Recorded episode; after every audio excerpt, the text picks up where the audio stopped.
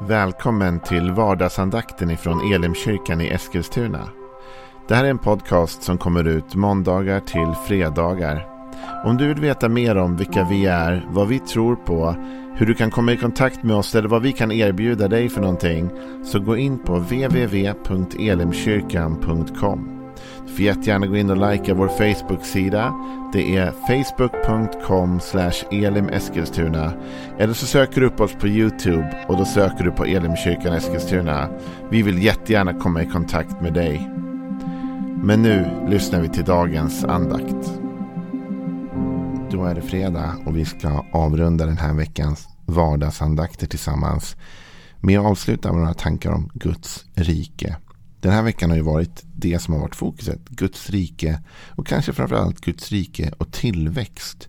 Hur Guds rike är expanderande, växande. Hur det börjar litet men hur det sen vill växa sig större.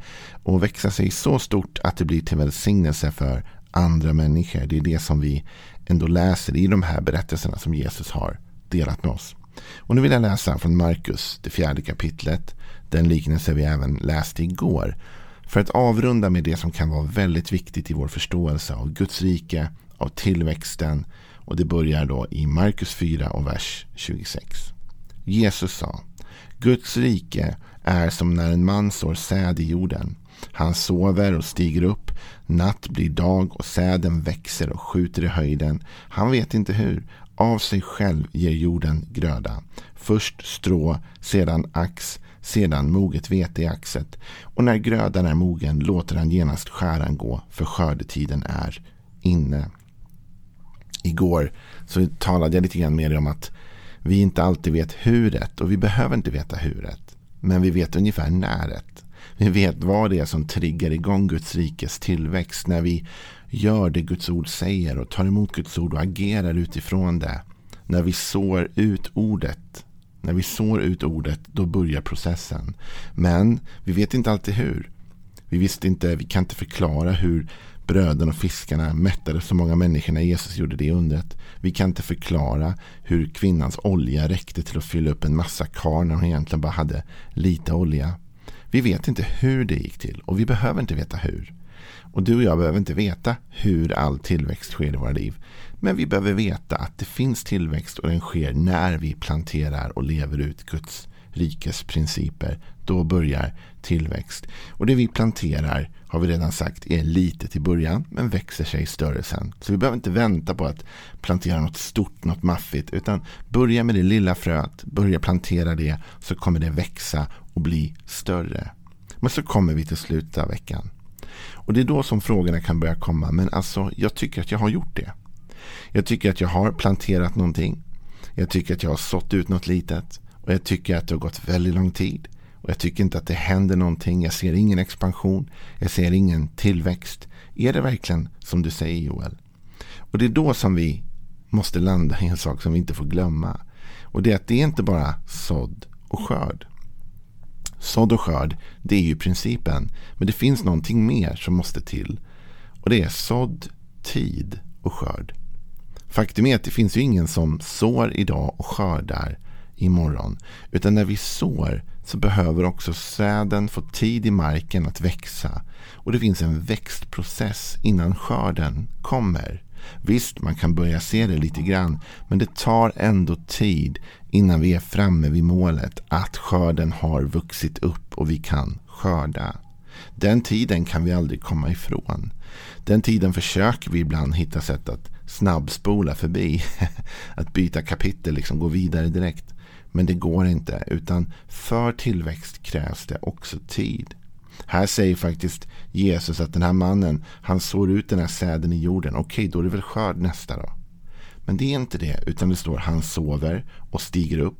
Natt blir dag och säden växer. Okej, så det är tid här va.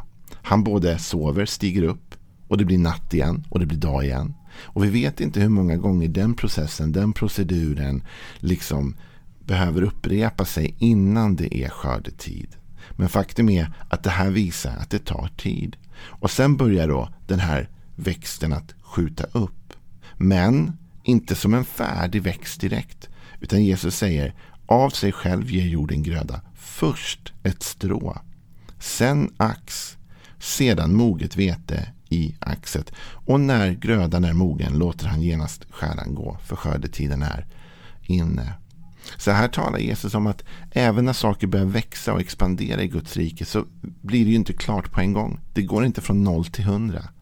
Utan det vi sår börjar växa och först kommer det kanske bara upp som ett, ett strå. Och innan ens det strået har kommit upp kan det ha gått många nätter och många dagar, många månader innan det börjar ens komma upp. I Elimkyrkan där jag arbetar så hade vi under många år, vi har väl fortfarande den tanken lite även om vi har inte gått ut med det lika hårt de senaste åren. Men under mars månad så hade vi något vi kallar för skördemånad. Och, och eh, det där tyckte min pappa var roligt. Därför min pappa sa Joel hur kan du ha skördemånad på, på våren? Ingen skördar på våren.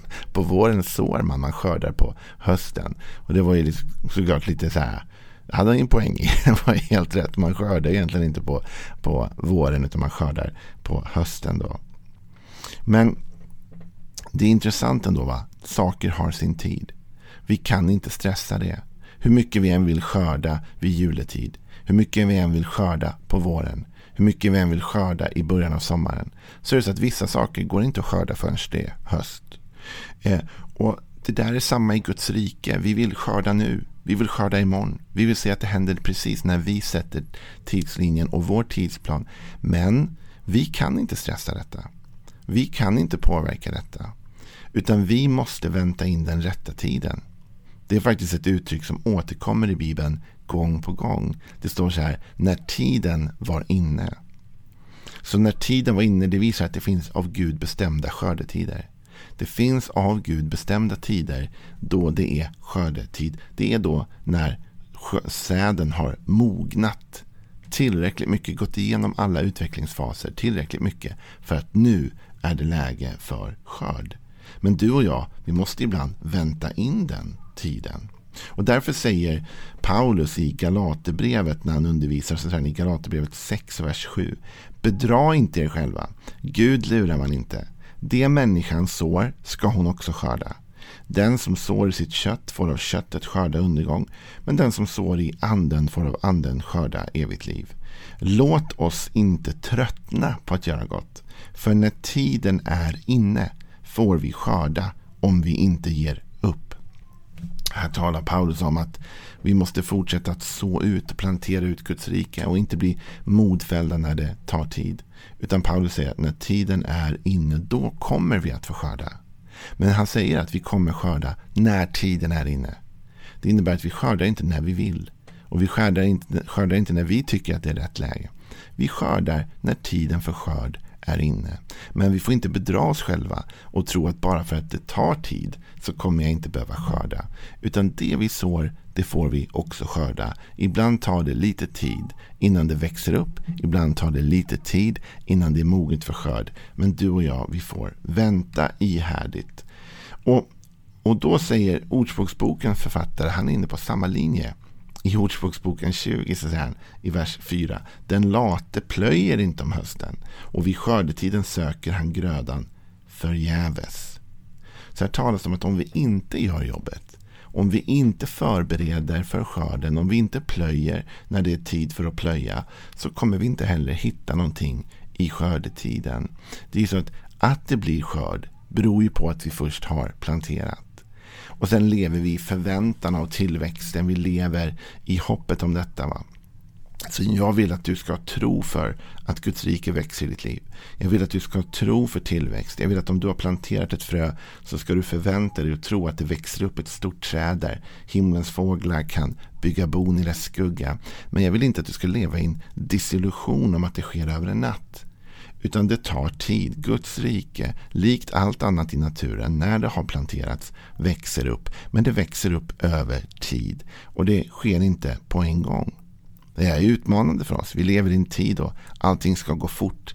Jag brukar ibland kalla oss för mikrovågsgenerationen. Det är väl liksom, min generation var ju den generation som växte upp med att mat ska man kunna laga på en minut i mikron. Eller två minuter. Alltså det ska gå fort liksom. Du behöver inte vänta på kokat ägg, stoppa in i mikron. Vad som helst. Alltså, här har vi fått ett problem. För det kan vi göra i vår, i vår värld. Va? Vi kan göra det i våra egna liv, hitta sätt att snabba på vissa processer. Men vi kan inte göra det vad det gäller Guds rike. Guds rike växer i sin egen takt. Det enda du och jag kan påverka vad det gäller skörden i Guds rike, det är att vi sår. Om vi inget sår blir det ingen skörd. Men om vi sår mycket, då får vi en riklig skörd. Men vi kan inte påverka tiden. Det vi kan sen påverka igen är skördetiden. Att vi skördar in Guds rike när vi ser det komma och när vi ser det vara färdigt. Men de här tiderna måste vi överlämna åt Gud. Och de här tiderna skapar frustration, kan skapa bitterhet. Vi kan tycka, men Gud varför händer ingenting? Men Gud varför kommer inte det här nu? Varför blir det inte det här genombrottet? Men det innebär inte att ditt frö inte verkar. Det innebär inte att skörden inte kommer. Det innebär bara att det inte är rätt tid för detta. För att avsluta med Jesu egna ord så talar Jesus också om tider och i det här fallet lite omvänd situation där han menar att de har missat att det är dags att skörda.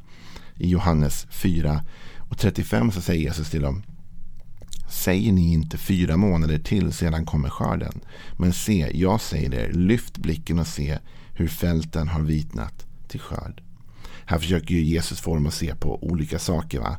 De talar om den vanliga skörden, Jesus talar såklart om den andliga skörden. Men Jesu poäng är nyttig. Det vill säga det finns tider. Och det är vår uppgift att vara vaksam över när de tiderna träder in. Men det finns också tider. Jesus säger, jag säger er, lyft blicken och se hur fälten har vitnat till skörd. Det innebär att det fanns tider då den inte hade vitnat till skörd och då kunde man inte skörda. Så du och jag måste vänta in den rätta tiden. Om du tycker att det inte har varit läge än eller tid än, håll ut, det kommer en tid då du också får skörda. Så Guds rike börjar litet, blir stort. Det är ett expansivt rike, det är ett växande rike. Men vi kan inte påverka tiden för detta, utan vi får i lugn och ro lita på att Gud har all tid i sin hand och att vi kommer att få skörda om vi bara inte ger upp. Så denna fredag säger jag till dig innan du tar helg, ge inte upp. Fortsätt att tro Gud om stor skörd. Så ses vi på måndag igen. Hej då.